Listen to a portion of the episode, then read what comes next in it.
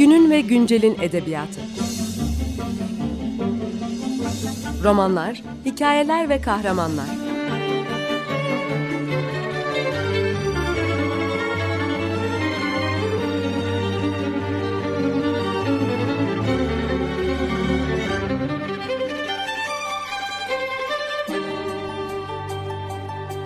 Hazırlayan ve sunan Seval Şahin.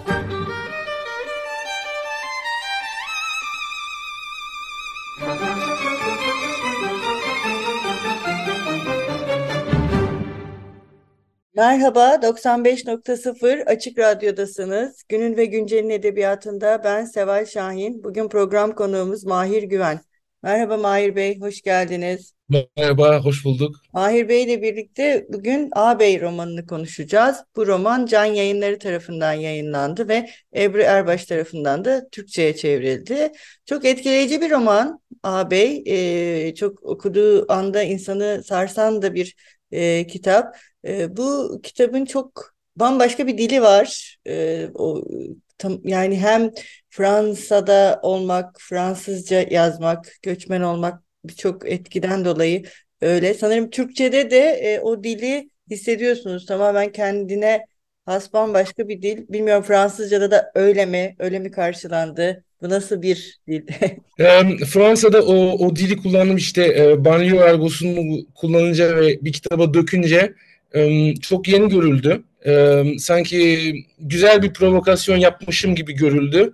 Ki ben onu işte yani o dili kitabın kutsallığını atmak istiyordum. Edebiyatın kutsallığını atmak istiyordum. Çünkü o dili aslında yani ben 15-20 yaşındayken falan kullanıyordum. Tabii arkadaşlarımla veyahut rap müziğinde de bu dil kullanılıyordu. Ve yani banyolerde de kullanılır yani. Kullanılır dediğim herkes kullanmaz ama kullanılan bir dil.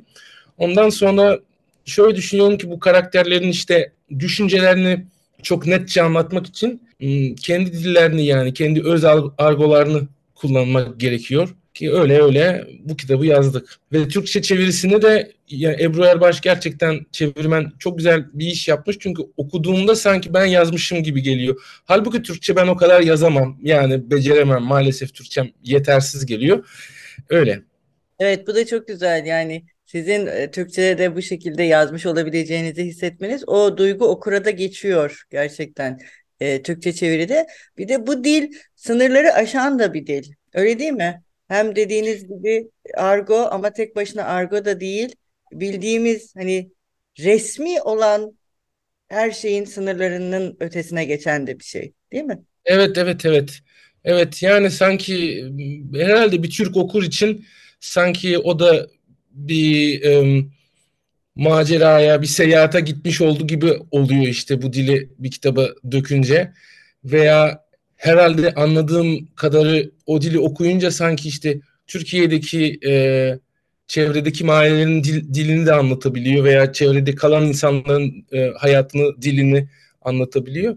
Ondan yani mevcut yani çok memnunum. Evet. Peki bu e, dilin e, hem resmi olanlar işte Fransa'da da iyi karşılandı. Biraz provokatif bir söylem var gibi e, görüldü dediniz.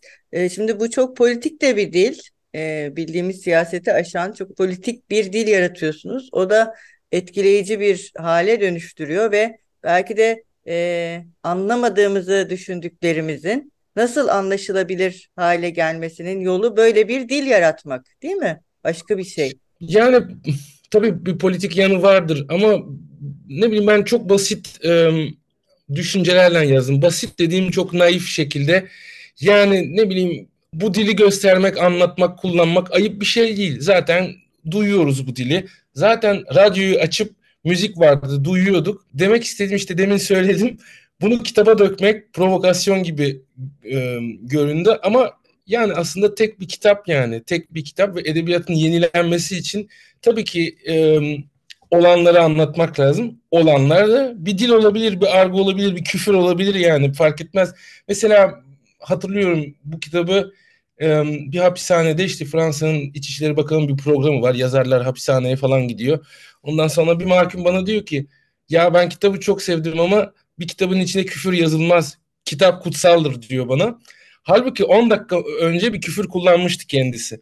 Peki tabii bir şey demedim ama ağızdan çıkarsa anlaşılır ama yazıda olursa olmaz gibi bir olay oluyordu. Öyle işte yani tabii bir politik si- siyasi tarafı var ama onu ön plana çıkarmak istemiyorum. Yani olduğu gibi atıyorum işte mavi kazak giymek istiyorsanız giyin mavi kazağınızı veya sarı takke takmak istiyorsanız takın şapkanızı. Öyle bir şey diyelim yani. Bu kadar da basit. Evet. Evet çok haklısınız. Bu kadar basit ve edebiyatın da gücü bu. Bu kadar basit olanı böyle herkesin anlayabileceği bir şeye dönüştürmek. Bu da çok değerli. Evet. Benzer bir şey mesela Latife Tekin e, ge, yani Gecekondu'dakilerin yani o da işte periferidekilerin hayatını yazmaya başladığında Sevgili Arsız Ölüm'de Türkiye'de de Türkçe'de de bambaşka bir dille ortaya çıkmıştı. Evet, evet. evet. Hatta ona mırıldanmanın dili demişti eleştirmenler burada. E, söz e, yani cümle yok, söz var. Sözün e, nasıl ulaşılabilir hale dönüştüğü diye. E, peki sizce bu e, kitabı size yazmaya iten tam da o banliyölerdeki göçmenlerin hayatı mı? Bu ancak bu şekilde mi anlatılabilirdi? Yani bir bir göçmen ailenin hayatı. Tabii ki işte bu ailenin hayatı öbür aileleri de benzeyebilir. Ama yani komple bu bir bel, belgesel değil yani bu bir romandır. Ondan sonra tabii işte kendi hayatımızda anlattık. Ee, diyelim ki sesimiz duyulmuyordu. Yani göçmen olarak sesimiz duyulmuyordu. Hatta şunu diyebilirim. Türk asıllı Fransa'da göçmen olarak sesimiz hiç duyulmuyor. Neden duyulmuyor? Çünkü işte öbür memleketlerden gelen göçmenlerin sesi daha fazla duyuluyor. Onların Fransa ile hikayesi daha uzundan beri sürüyor. E, Cezayirlileri düşünüyorum. Ce Cezayir asıllıları, e, Mali asıllıları, Senegal asılları. Biz Türk Kürt Türk gelen Türkiye'den işte gelenlerden sesi hiç duyulmuyor. Yani diyelim ki ben varım yazar.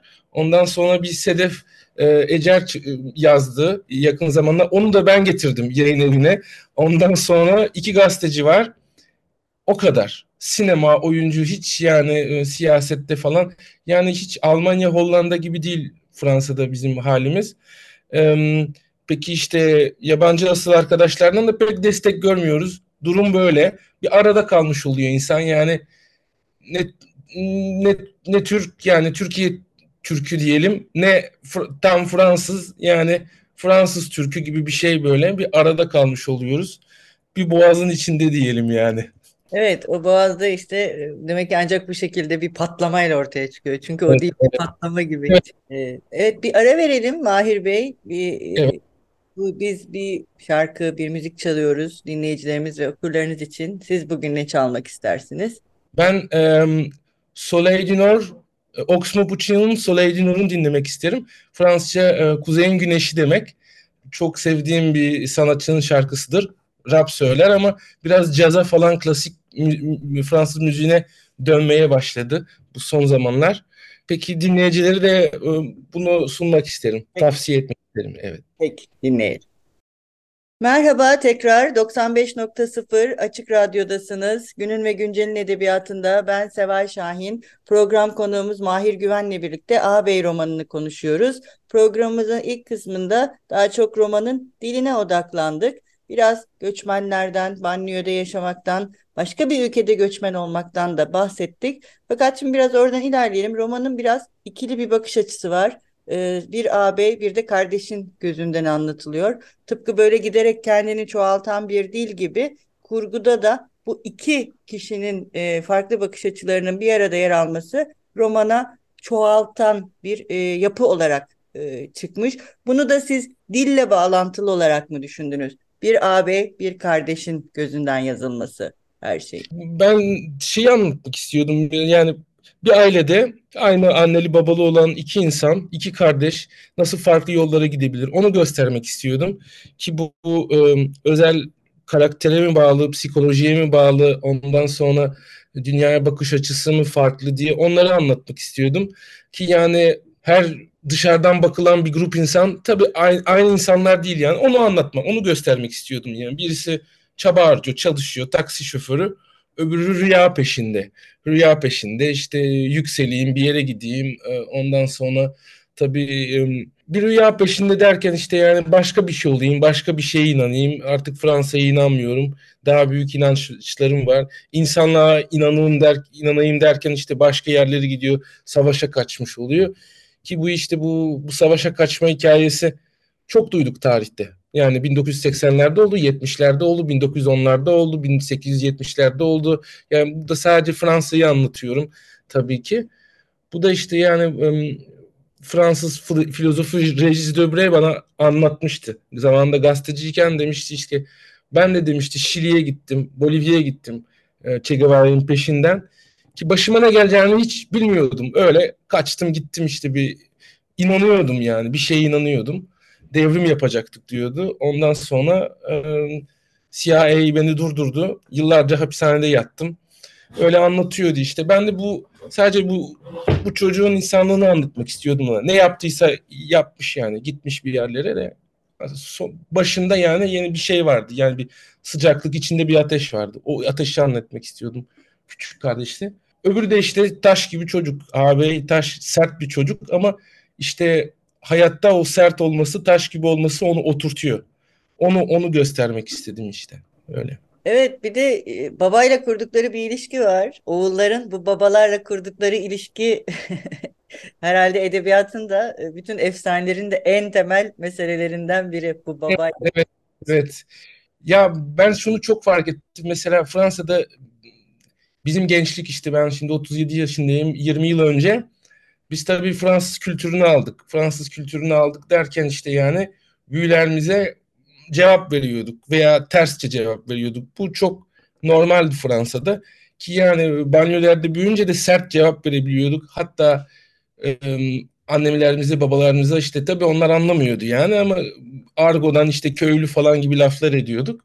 O, o aramızda bir sertlik vardı, bir bozuk, bozukluk vardı ki ben Türkiye'ye gelince yazın bakıyordum kuzenlerim falan daha böyle ebeveynlerine rahatlardı, sakinlerdi veya tabii dinliyorlardı diyelim onu göstermek istedim işte yani. Onu o, o kültür farklılığı işte bu, bu baba bir yerde büyümüş çocukları başka yerde büyüyor. Tabii iki, ikisi de aile kültürü var içlerinde. Baba çocuklara aile kültürü vermiş ama e, toplum kültürü farklı. Baba işte o baba Suriye'de büyüyor, yaşıyor. Çocuklar Fransa'da ve Fransa'nın banliyösünde.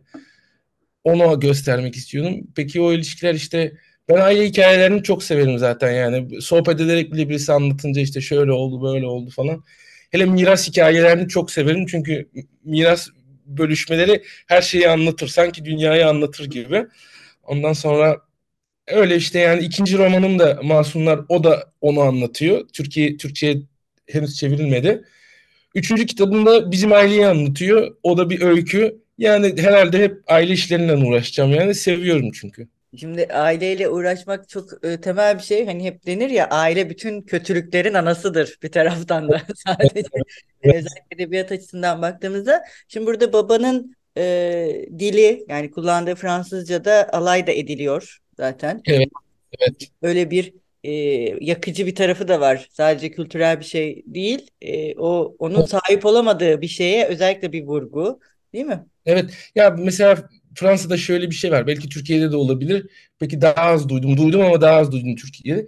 Fransızca'da e, Fransa'da iyi, iyi Fransızca konuşmak çok önemli. Bunu da çok önemli yani bir yanlışınız olur konuşurken hemen söyler, keserler. Yani konuşurken sizi keserler. Yok bu böyle denir falan ki yani konuyu bile dinlemez.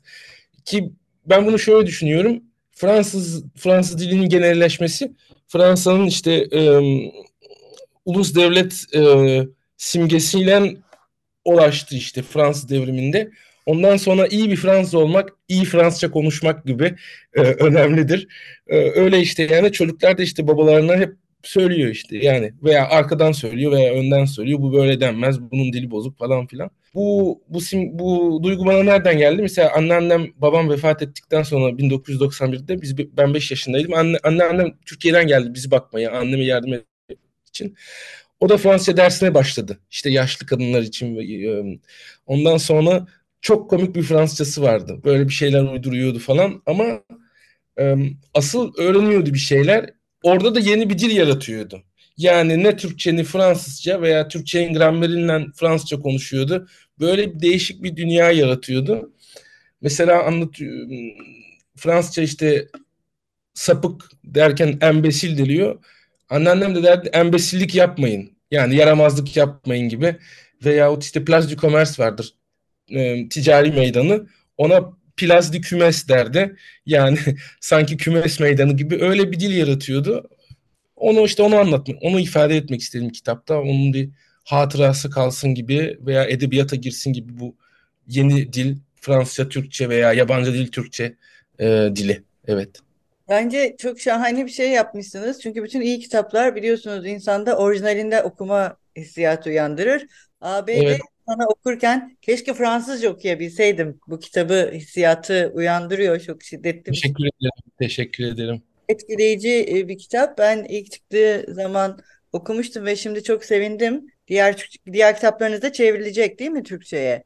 Evet evet e, henüz olmadı işte bir kısım yani daha bakamadık yani küçük çocuğum oldu iki, iki yaşında oldu uğraşamadım bu işlerle ama şimdi yeniden tabii çocuk büyüdü yeniden uğraşabiliyorum olacak evet. Evet, diğer kitaplarınızı da Türkçe'de okuyabileceğiz. Çok güzel. Ee, çok sevindik. Mahir Bey çok teşekkür ederiz bu kısa de bizim de e, konuğumuz olduğunuz için. Biz programımızın sonunda yazarımızın okurları ve dinleyicilerimiz için okuduğu bir bölümle veda ediyoruz. Siz tamam. abi neyle veda etmek istersiniz ve Türkçe evet. veda etmek istersiniz? Evet. Evet. Türkçe mi? Evet. Kitabın başlangıcından başlangıcını okumak isterim. Ağabey, tek hakikat ölümdür. Gerisi bir dizi ayrıntından ibaret. Hayatta başınıza ne gelirse gelsin tüm yollar mezara çıkar. Bunu bir kez tespit ettikten sonra tek gereken kendine bir yaşama sebebi bulmak. Yaşam mı? Ölüme yaklaştıkça onunla senli benli olmayı öğrendim. Aklım birideyken diğeriyle kırıştırıyorum. Her daim diğerit, kanım canım kardeşim uzaklara oraya. Meczupların ve delilerin diyarına gittiğinden beri. Bir cigara tüttü, tüttürdü diye adamın kafasını uçurdukları yere. Kutsal topraklara. Bizim semtte diyarı Şam derler. Çoğu adını çoğu adını kay, kaygıyla anlar. Anar. Di diğerleri ise yani birkaç kişi ondan vecile söz eder. Normal insanların dünyasında ise Suriye derler, Suriye derler. Boğuk bir ses ve vahim bir ifadeyle. Sanki cehennemden bahseder gibi. Kardeşimin gidişi pederi enkaza çevirdi. Bitişik kaşlarının üzerindeki yeni çizgileri saymak yeter bunu anlamaya. O ömrü boyunca bizi doğru yolda ilerleteme, ilerletebilmek için ter döktü. Her sabah kıçını taksinin koltuğuna koyup kah Guantanamo'ya çıktı kah madene indi. Taksici jargonunda bu havaalanına gitmek ya da Paris'e inmek ve kale içinde müşteri taşımak demektir. Asla ele geçiremeyeceğimiz o kalede. Ve her akşam buzdolabını doldurmak için kalın balyalar indirdi. Ters oluk, zillik, açlık hiç tanımadık bu duyguları. Çok teşekkür ederiz Mahir Bey. Ben teşekkür ederim.